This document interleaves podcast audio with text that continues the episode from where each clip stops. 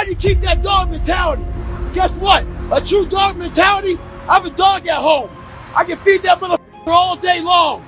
He never gets full. If you've never listened to something in your life, aggressively and intentionally, I need you to listen to me now. If you're not where you want to be financially, if you're not where you want to be emotionally, if you're not where you want to be physically, relationally, socially, 10 times out of 10, it is because you have settled in a place called convenience.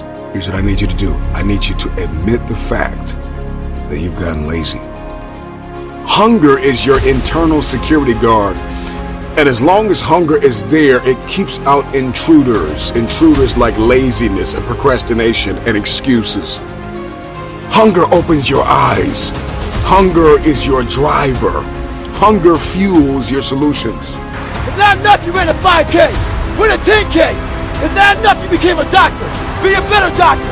It's not enough you lost 50 pounds. Go out there and do something with it. Guess what? It's 109 out here, but guess what? It's not enough. Stay hard. Hunger drives improvement. Hunger. You gotta get hungry if you want future. You gotta get hungry if you want destiny. You gotta get hungry if you want connections. You gotta get hungry if you wanna live that higher quality of life. You gotta get hungry, hungry, hungry. I have too much to accomplish to be satisfied with where I am right now. I have too much on the line. I have too many people depending on me to win. I must stay hungry. My greatest piece of advice is to protect your hunger. You show me a man who is failing, and I will prove to you that he is no longer hungry. When you are hungry, you are creative. When you are hungry, you are innovative. When you are hungry, when you are no longer full, when you are no longer satisfied with where you are and you raise your standards, it is only then that you can have your future. If you can stay hungry, you can get the resources. If you can stay hungry, you can get the strategy. If you can stay hungry, the ideas gonna come. If you can stay hungry, the connections will be aligned. If you can stay hungry. And I need you to get to the place where you're no longer sleeping. I need inconvenience to be your new norm.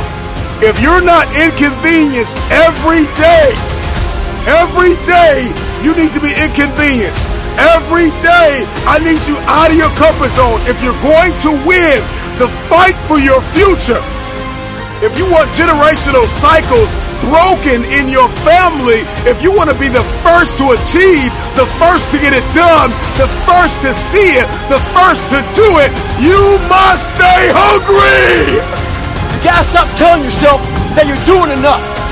In life, it's never enough until you feel this overwhelming feeling of shit, man.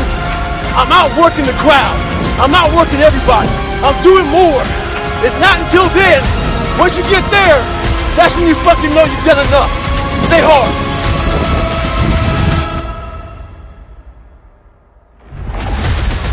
I'm hungry because I have goals. And the goals are based upon my dreams.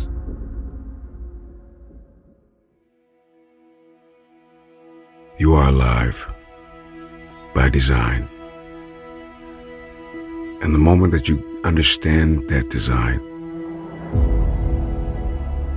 your future awaits. Life is fragile. You are only mortal. You only have so much time to get it done. So get it done. I need you to live every day from this moment forth. I need you to live every day as if it's your last. Life is a vapor.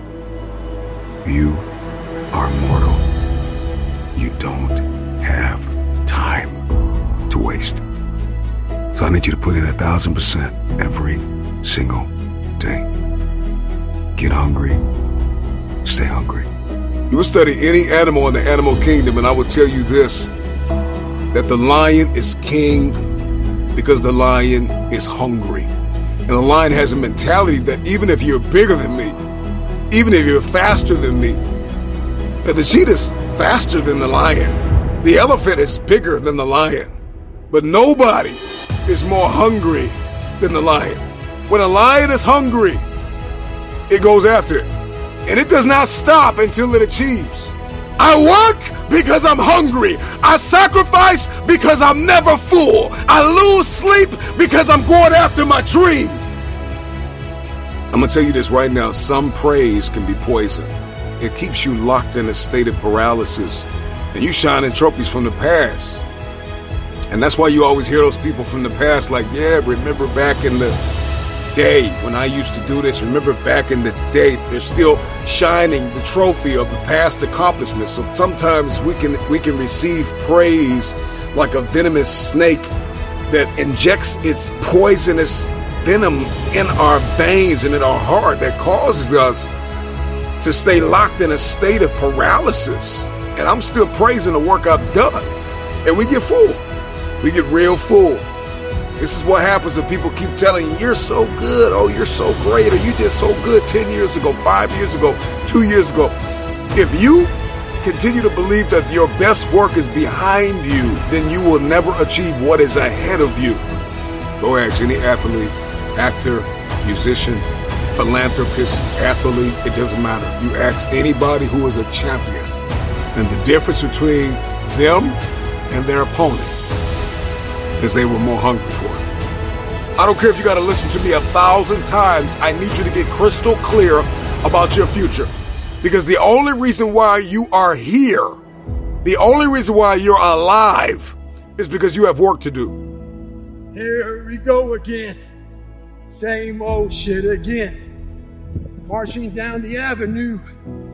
One more day and we'll be through. That signifies the end. It's a countdown to military.